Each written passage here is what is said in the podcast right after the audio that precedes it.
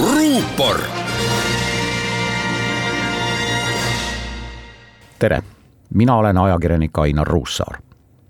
kaheksakümmend aastat tagasi puhkes verine sõda Hitleri Saksamaa ja Stalini Nõukogude Liidu vahel. sõda, mis puudutas väga valusalt ka meie maad ja meie rahvast kaheksakümmend aastat hiljem teeb Angela Merkeli juhitud Saksamaa ettepaneku kutsuda Euroopa Liidu tippjuhtide kohtumiste laua taha Venemaa tänase juhi Vladimir Putini. Riigipea, kes on alustanud sõda naaberriikide Gruusia ja Ukrainaga, kelle salateenistus on korraldanud terrorirünnakuid, kes saadab trellide taha või mürgitab oma poliitilisi vastaseid. kelle agendid kaaperdavad reisilennuki selleks, et kinni võtta seal reisinud sõltumatu ajakirjanik.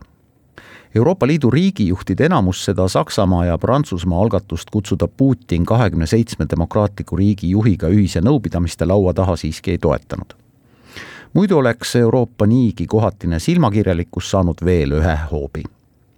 Euroopa on kehtestanud Venemaale sanktsioonid ja mõistnud hukka selle riigi agressiivse välispoliitika ja siis üritavad mõned Euroopa riigijuhid majanduslikest huvidest lähtudes Vladimir Putinile meeldida teades, et Putini kutsumine Euroopa vägevatega otsekõnelusi pidama ei anna oodatud või soovitud tulemust. ideoloogia ja ajupesu on vahel mõõdetav arvudes.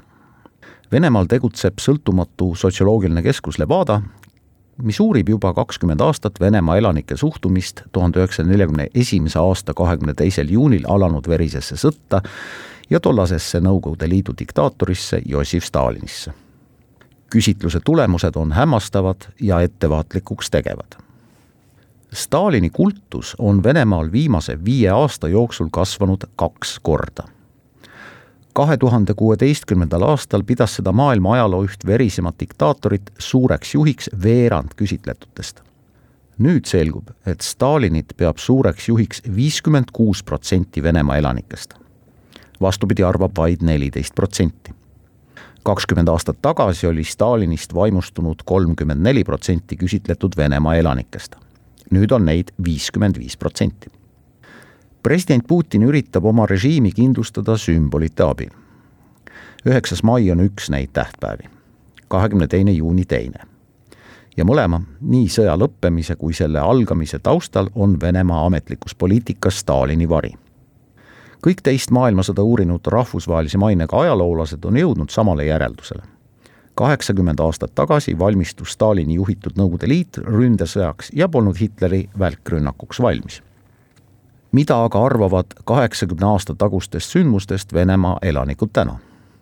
kuuskümmend seitse protsenti Levada keskuse küsimustele vastanutest kinnitavad, et sõda oli vältimatu kakskümmend protsenti arvab ajalugu analüüsides, et verevalamist oleks saanud vältida peaaegu pooled on veendunud, et Nõukogude Liitu tabas alatu ja ootamatu rünnak.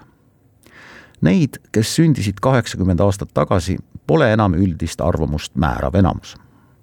Enamuse moodustavad siiski need, kes sündisid Stalini, Hruštšovi, Brežnevi, Jeltsini ja nüüd isegi Putini ajastul. ja nendest enam kui pooled tõlgendavad kuritegelikku kommunistlikku režiimi täiesti erinevalt sellest, kuidas meie ajalugu teame ruupor